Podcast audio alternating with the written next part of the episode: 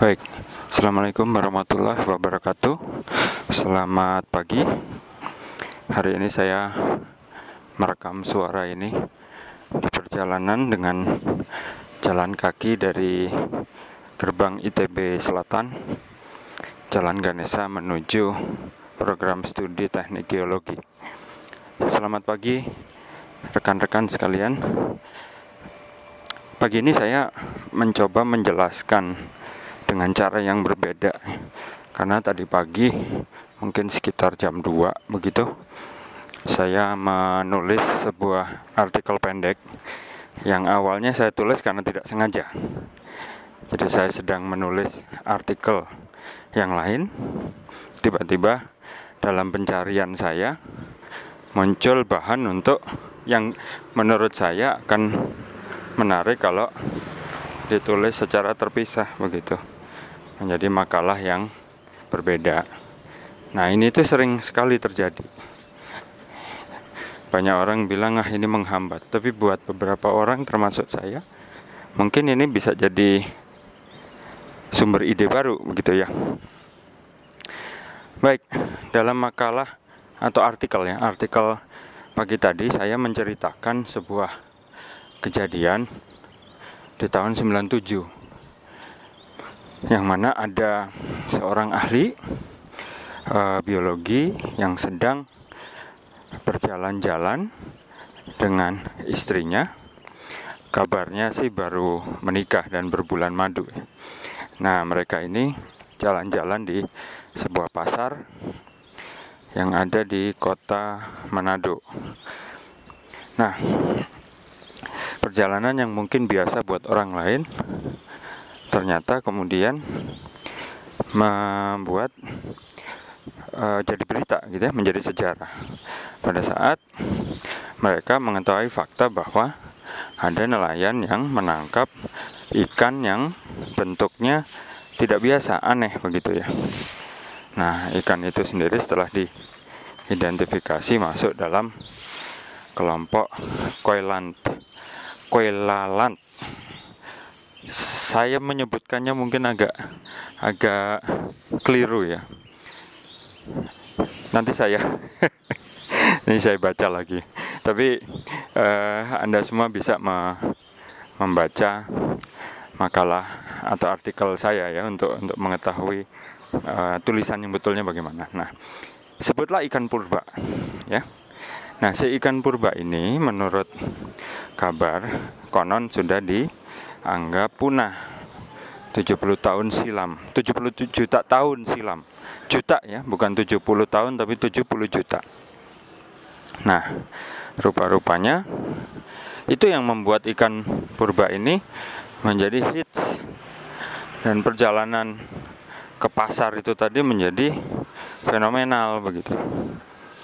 Pada saat ikan purba ditemukan sesuatu yang sudah dikira punah jutaan tahun lalu ternyata masih ada barangnya dan masih hidup di perairan Manado.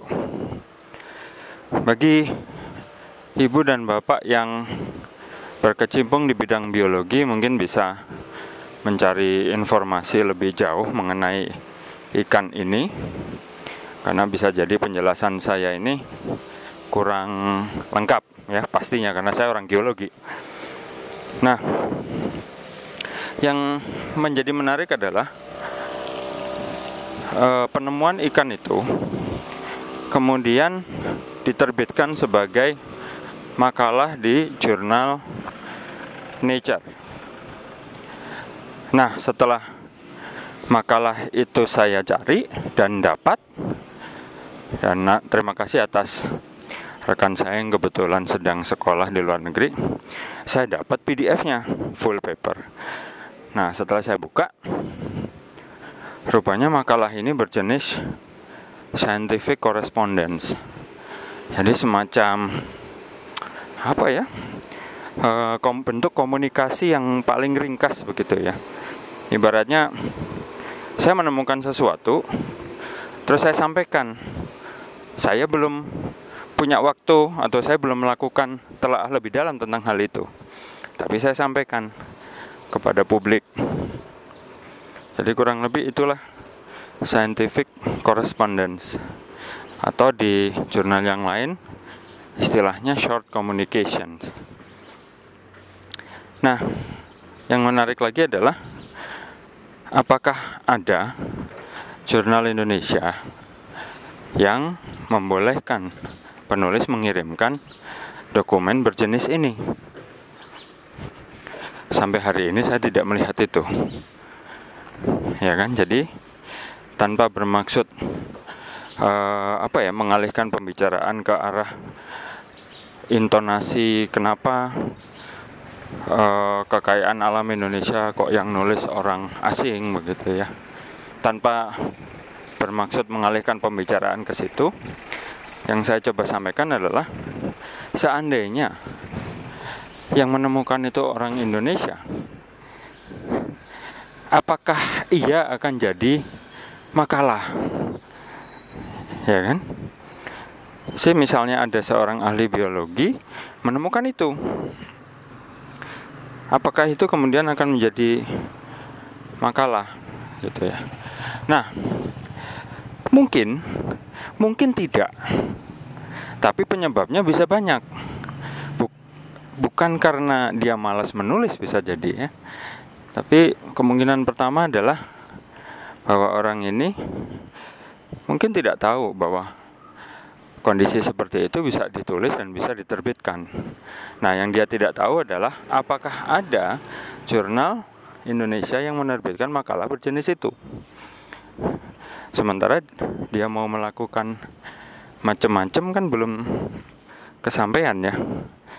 Kita break sebentar ya. Terima kasih.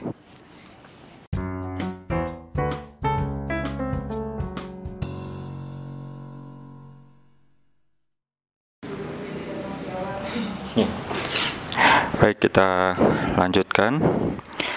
Jadi terakhir tadi saya menjelaskan bahwa ada kemungkinan orang yang menemukan spesies ikan purba itu tidak menghasilkan tulisan ilmiah. Nah, sebabnya pertama bisa jadi dia tidak tahu bahwa proses penemuan itu sendiri juga sudah bisa ditulis. Karena yang dia ketahui adalah bahwa hanya makalah riset lengkap saja yang diterima oleh jurnal, terutama jurnal di Indonesia. Nah, yang kedua adalah ia merasa perlu untuk menuliskan itu menjadi makalah yang ditulis dalam bahasa Inggris. Bisa jadi kan, terutama pada saat kita lihat bahwa uh, spesies ikan ini memang langka dan kemudian secara internasional juga sudah di difonis punah begitu ya. Nah, tapi kemudian ada hambatan kedua. Ya bahasa Inggris kan bukan bahasa ibunya, jadi ya pasti akan berlarut-larut prosesnya. Itu pun kalau selesai. Ya lebih banyak juga tidak selesainya begitu ya.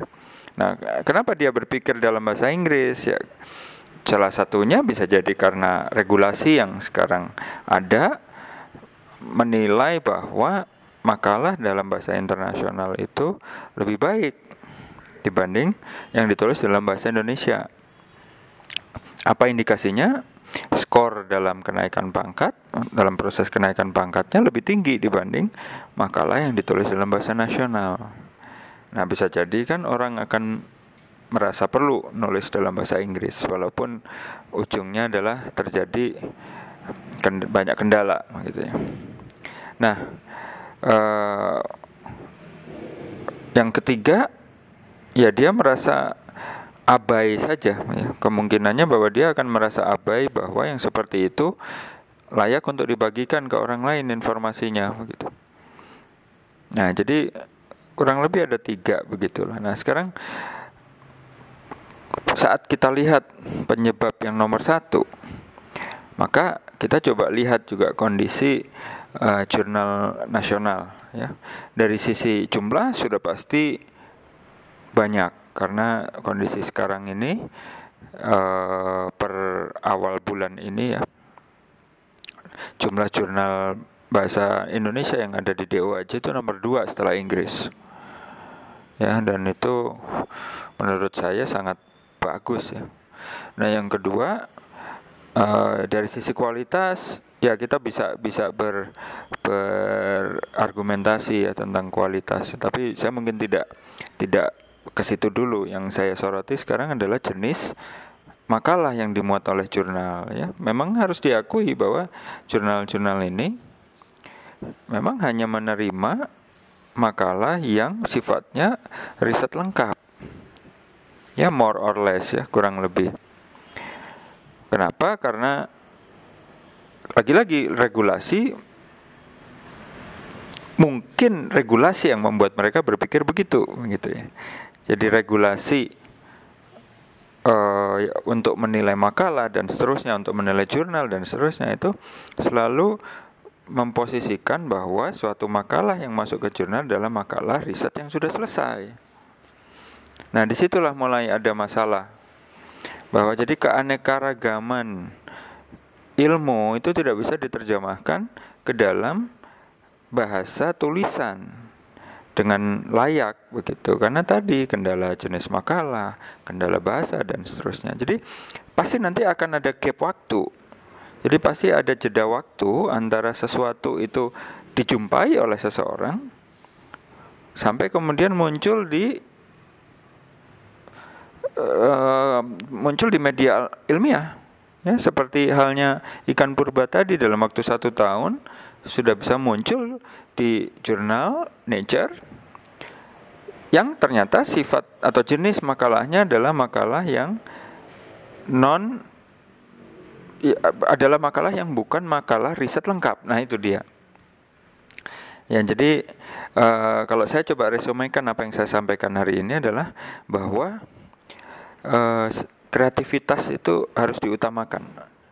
Ya, jadi masyarakat saintifik, masyarakat ilmiah itu harus kreatif. Itu satu dan untuk bisa kreatif, maka dia jangan terlalu terikat dengan regulasi. Ya, dalam hal ini regulasi yang mengatur masalah jenis publikasi, masalah eh, penerbitan jurnal gitu ya setidaknya jangan seluruh waktunya itu terikat oleh regulasi itu akibatnya pola pikirnya jadi sempit kan jadi dia yang tadinya bisa menuliskan kejadian suatu kejadian atau suatu fenomena atau suatu proses yang dia amati menjadi tidak bisa. Kesempatannya jadi hilang gitu. Jadi sepertinya akan akan seperti itu ini masalah yang yang terjadi di Indonesia ini. Jadi memang seharusnya eh, kreativitas harus menjadi yang utama selain tentunya kaidah-kaidah saintifik. Demikian podcast edisi hari ini tanggal 18 Maret 2019 yang berawal dari tulisan saya di media medium.com. Selamat siang. Terima kasih sudah mendengarkan. Nih, kalau ternyata memang ada yang mendengarkan ini saya sangat salut. Terima kasih sekali. Karena mungkin media ini akan saya lanjutkan karena kenapa? Karena tidak selalu orang punya waktu untuk duduk buka laptop atau buka handphone. Tidak selalu juga saya punya waktu untuk duduk buka laptop atau buka handphone untuk mengetik gitu ya. Jadi sepertinya kalau ini saya lihat menjanjikan ya saya akan melanjutkan media ini. Sekali lagi terima kasih. Selamat beraktivitas. Assalamualaikum warahmatullahi wabarakatuh.